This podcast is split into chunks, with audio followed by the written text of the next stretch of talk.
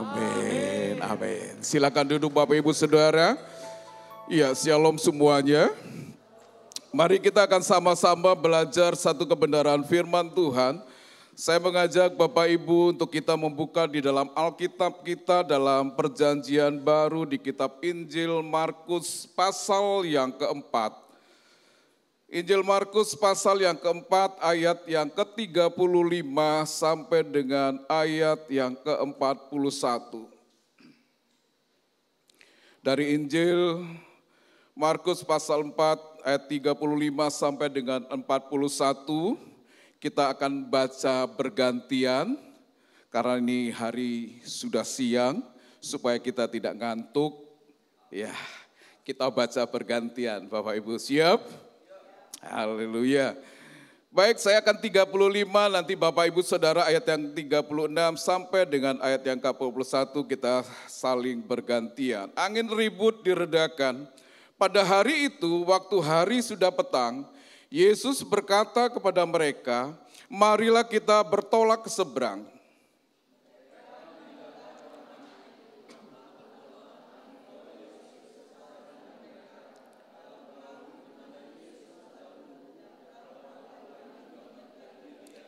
Lalu mengamuklah taupan yang sangat dahsyat dan ombak menyembur masuk ke dalam perahu sehingga perahu itu mulai penuh dengan air.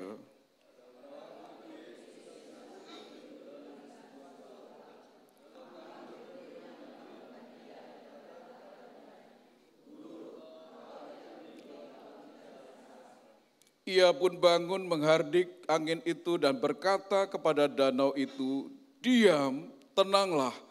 Lalu angin itu reda dan danau itu menjadi teduh sekali.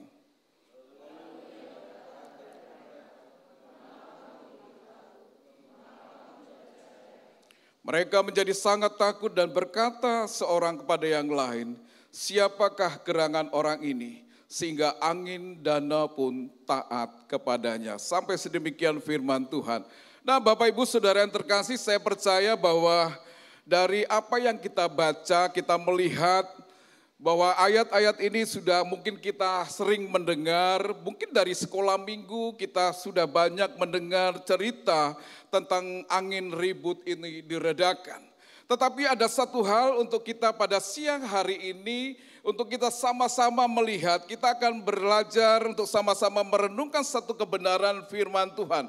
Nah dari bacaan ini saya mengambil satu tema, jangan pernah meragukan Tuhan. Amin. Jangan pernah meragukan Tuhan. Nah ini kita melihat satu cerita satu kisah pada waktu itu Yesus memerintahkan murid-muridnya. Yesus berkata kepada mereka, marilah kita bertolak ke seberang. Ini adalah satu inisiatif daripada Tuhan Yesus. Yesus memerintahkan murid-muridnya pada waktu itu. Dan di situ dikatakan pada waktu petang karena pada pagi hari di mana Yesus banyak mengajar orang-orang pada waktu itu. Yesus ada di Kepernaun pada waktu di mana dia mengajarkan kepada orang-orang banyak. Sehingga pada waktu petang, maka Yesus memerintahkan murid-muridnya untuk mempersiapkan diri mereka untuk apa? Bertolak ke seberang. Ke mana tujuan Yesus adalah ke kota Garasa. Nah saudara kita bisa melihat di sini. Pada waktu di mana Yesus bersama-sama dengan murid-muridnya. Mereka melewati sebuah danau Galilea yang memiliki luas itu lebih kurang 166 km dengan kedalamannya itu lebih kurang 43 meter. Nah Yesus dan murid-murid pada waktu itu sudah ada di dalam perahu dan Alkitab menceritakan lalu ketika sedang dalam perjalanan tiba-tiba datanglah badai topan yang menghadang mereka. Dan pada saat di mana Yesus pada waktu itu tidur di buritan. Karena mungkin seharian Yesus banyak mengajar, dia capek dan dia tidur pada waktu itu. Nah dalam situasi seperti itu, pada saat murid-muridnya diperhadapkan dengan badai topan, maka murid-murid merasakan bahwa Yesus tidak peduli dengan apa yang mereka alami. Mereka meragukan akan pertolongan Tuhan, atas kehidupan mereka. Nah ini kita akan melihat, kita akan sama-sama apa yang menyebabkan murid-murid itu meragukan bahwa Tuhan mampu menolong pada saat mereka diperhadapkan dengan badai pada saat itu. Nah, kalau kita perhatikan di ayat 37 dan ayat yang ke-38. Di situ dikatakan, lalu mengamuklah topan yang sangat dahsyat dan ombak menyebur masuk ke dalam perahu sehingga perahu itu mulai penuh dengan air pada waktu itu Yesus sedang tidur di buritan di sebuah tilam. Maka murid-muridnya membangunkan dia dan berkata kepadanya, Guru, engkau tidak peduli kalau kita binasa. Saudara bisa melihat pada saat angin topan mengamuk, maka murid-murid sangat ketakutan. Karena mereka melihat ombak yang menyembur masuk ke dalam perahu. Bahkan perahu itu mulai penuh dengan dengan air. Saudara bisa bayangkan pada saat kita ada di dalam perahu, ada di tengah danau atau di tengah lautan, tiba-tiba air itu masuk dan mulai memenuhi perahu kita. Saya percaya kita akan sama seperti murid-murid ini. Kita akan panik. Ya, kita akan ketakutan. Kita mulai khawatir. Dan mungkin ada dalam pikiran kita sama dengan murid-murid ini. Kita pasti binasa. Pasti kita mati pasti kita mati. Mungkin itu yang ada dalam dalam pikiran kita. Saya pernah bersama teman-teman pada waktu itu sudah cukup lama sekali. Waktu itu teman-teman mengajak untuk ke Pulau Tikus. Ya, kami ada dua perahu, satu perahu itu muat lebih kurang 11 orang. Pada waktu itu naiknya dari kampung di belakang itu ya apa namanya, nama daerah itu. Apa Pak Tony? Belakang Pak Padri ya. Ya kami naik dari sana, pada waktu itu ombak tenang, ombak baik-baik saja ya. Pada waktu di tengah perjalanan, tiba-tiba angin begitu kuat, ombak begitu kuat, sehingga teman yang ada di seberang yang kami sama-sama kami tidak bisa melihat. Pada waktu kami naik, mereka turun. Pada waktu kami turun, mereka naik. Jadi kami tidak melihat eh, teman-teman uh, ini. Bahkan uh, yang membawa ketek itu, perahu itu berkata, ombaknya terlalu besar Pak. Sebelas orang kami pada waktu itu sunyi senyap. Semuanya diam. Tidak ada satupun yang berbicara. Termasuk saya dalam hati lihat kiri kanan, depan, belakang, laut luas. Kalau perahu itu terbalik, berapa kuat bisa kita berenang? Hanya yang ada dalam pikiran, matilah kita. Ya, pasti dalam pikiran binasa. Itu dalam pikiran masing-masing saya nggak tahu lah teman-teman begitu. Karena semuanya diam. Semuanya pada konsentrasi dengan dengan diri masing-masing. Mereka berdoa, mereka mulai kami berdoa secara pribadi masing-masing. Yang ada di pikiran kami adalah binasa. Sama seperti murid-murid ini. Pada waktu mereka diperhadapkan dengan badai, mereka hanya di pikiran mereka adalah binasa. Sehingga mereka berupaya cari jalan sendiri. Mereka berupaya dengan kekuatan sendiri. Mereka berupaya bagaimana lepas dari badai itu. Mereka terfokus dengan dengan persoalan masalah mereka. Nah, hal inilah kenapa mereka meragukan bahwa Tuhan mampu lakukan segala sesuatu di dalam kehidupan mereka. Dan mereka melihat bahwa Yesus ada bersama-sama dengan mereka, ada dalam satu perahu. Tapi karena persoalan masalah yang besar, sehingga mereka lupa kalau Yesus ada di tempat di tempat mereka ada bersama-sama dengan mereka. Sehingga mereka berkata, "Yesus, Engkau tidak peduli kalau kami akan binasa." Nah, Bapak Ibu Saudara, keadaan yang terjadi kepada murid-murid bisa juga terjadi di dalam kehidupan kita apa yang dihadapi murid-murid ini. Kadangkala badai kehidupan bisa menerpa setiap kita. Mungkin awalnya perjalanan hidup kita baik-baik saja. Pendidikan kita baik-baik, sekolah kita baik-baik, kuliah kita baik. Awalnya baik-baik, usaha kita baik-baik, pekerjaan kita baik-baik, pelayanan kita baik-baik, bahkan rumah tangga kita baik-baik. Awalnya baik-baik aja. Tapi pada satu ketika Tuhan izinkan ya, badai itu menerpa kehidupan kita. Badai itu menerpa, menerjang kehidupan kita. Mungkin kita juga seolah-olah bahwa Yesus jauh dari kehidupan kita. Seolah-olah badai yang menerpa kehidupan kita tanpa kehadirannya. Dan inilah kadangkala membuat kita menjadi takut, kita khawatir, kita terfokus dengan persoalan masalah dalam kehidupan kita. Kita hanya melihat ya masalah itu, maka semakin kita melihat persoalan itu, maka semakin besar dan mulai mempengaruhi kehidupan kita. Dan apa? Dan membuat apa? Kita tidak lagi fokus kepada Tuhan. Kita hanya fokus kepada masalah yang kita hadapi, dan kita lupa bahwa Yesus itu ada di dalam perahu kehidupan kita. Kenapa? Karena kita mulai khawatir, kita mulai takut, kita mulai panik, kita merasakan kita lakukan sendiri, kita udah merasakan kita bisa lakukan itu semua. Nah ini yang terjadi terhadap murid-murid itu. Mereka terfokus dengan persoalan masalah yang mereka hadapi, sehingga mereka meragukan campur tangan Tuhan atas kehidupan mereka. Ini hal yang pertama. Ya, kenapa mereka meragukan Tuhan? Mereka hanya terfokus dengan masalah mereka.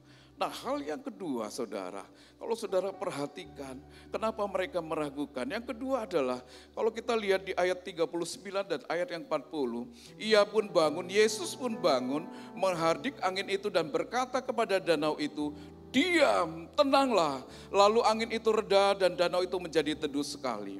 Lalu ia berkata kepada mereka, mengapa kamu begitu takut? Mengapa kamu tidak percaya? Nah saudara di sini kita bisa melihat pada saat murid-murid itu menghadapi badai topan mereka meragukan kuasa Tuhan.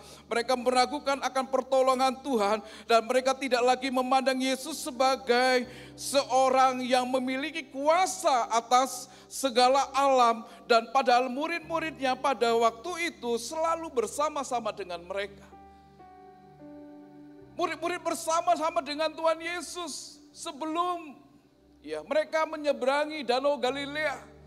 Mereka bersama-sama Yesus dan mereka melihat bagaimana Yesus banyak melakukan mukjizat. Yesus banyak melakukan kesembuhan.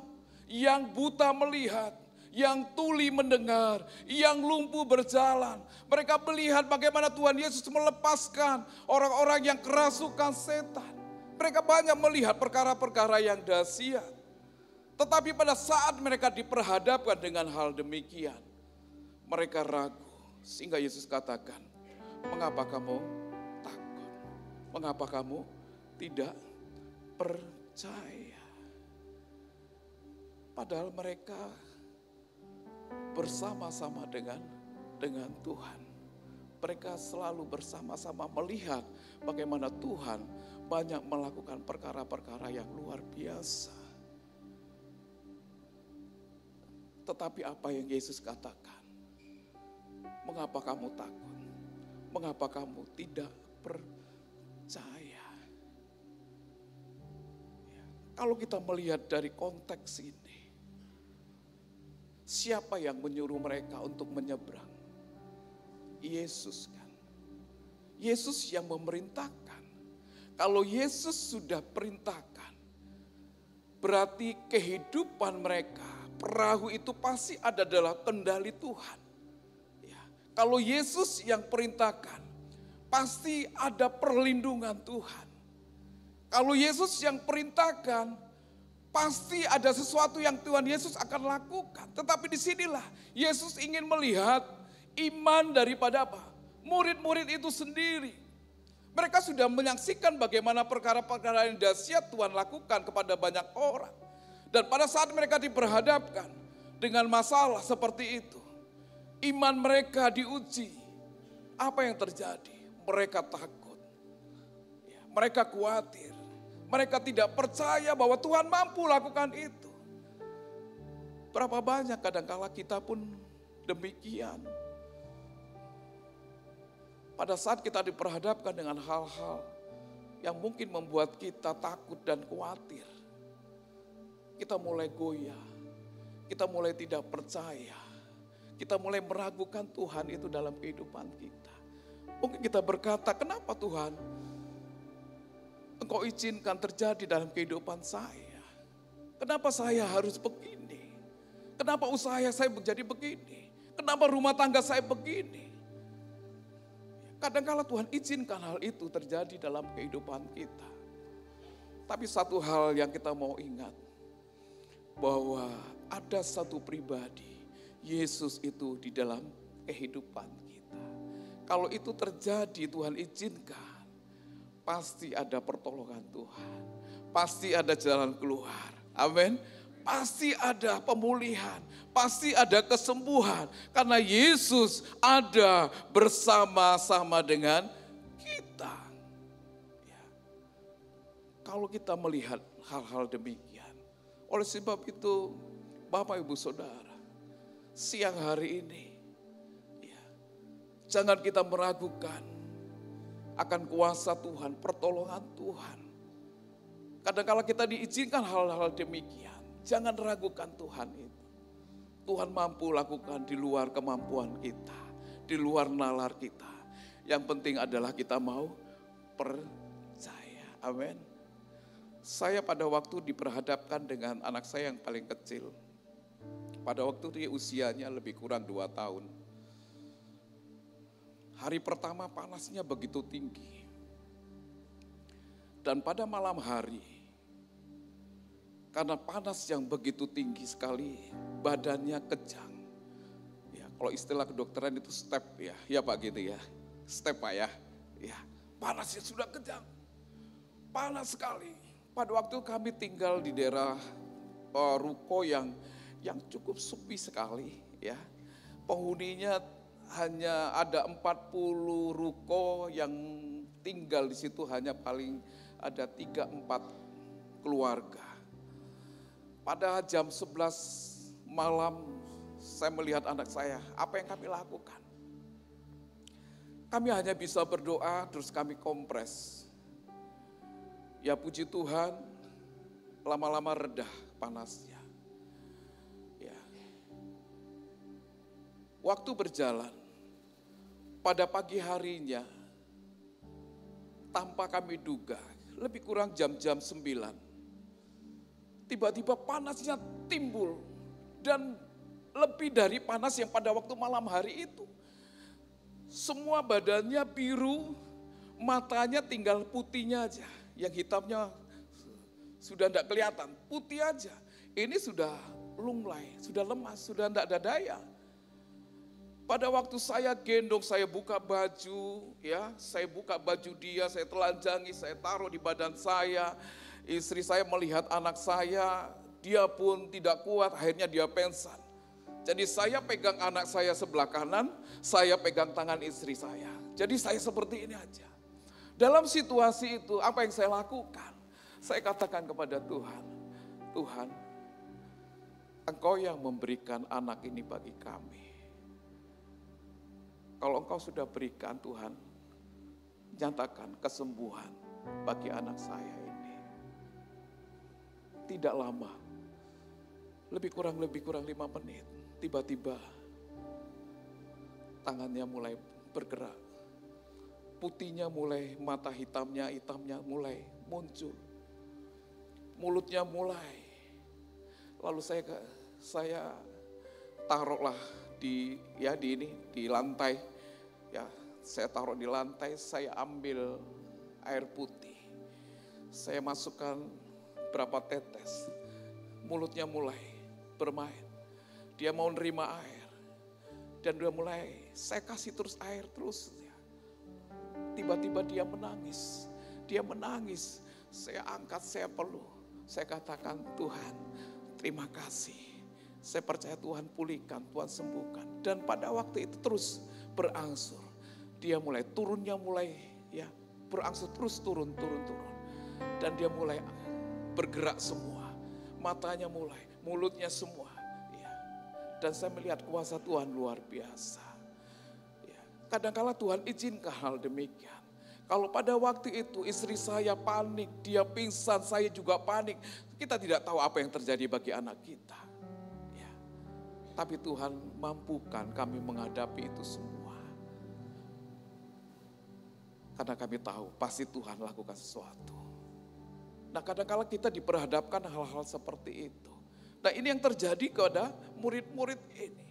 Padahal mereka sudah banyak melihat karya Tuhan. Tetapi mereka masih ragu. Ya, sehingga itulah Tuhan katakan, kenapa kamu takut? Kenapa kamu tidak percaya? Karena yang ada di pikiran mereka apa? Bi, binasa, mati. Ya. Itu yang mungkin ada di dalam pemikiran mereka. Sehingga ketakutan itu menguasai mereka. Dari ini semua kita mau belajar. Apa pun keadaan yang kita hadapi, jangan sekali-kali untuk kita meragukan Tuhan itu di dalam kehidupan kita. Amin. Ini hal yang kedua, saudara. Hal yang ketiga, kalau kita lihat di ayat 41, mereka menjadi sangat takut dan berkata seorang kepada yang lain, siapakah gerangan orang ini? Sehingga angin dan dana pun taat kepadanya. Saudara bisa lihat, murid-murid ini bukan hanya takut dengan badai yang mereka alami, tapi juga mereka takut ketika Yesus menghardik angin itu. Lalu angin itu reda dan danau itu menjadi teduh sekali. Dan mereka mulai bertanya, siapakah gerangan orang ini? Sehingga danau dan angin taat kepadanya. Dalam hal ini sudah sangat jelas kita lihat bahwa mereka belum mengenal secara pribadi siapa Yesus itu sesungguhnya. Padahal mereka bersama-sama dengan Yesus. Mereka sudah melihat bagaimana Yesus menyembuhkan, Yesus memulihkan, Yesus banyak melakukan mujizat.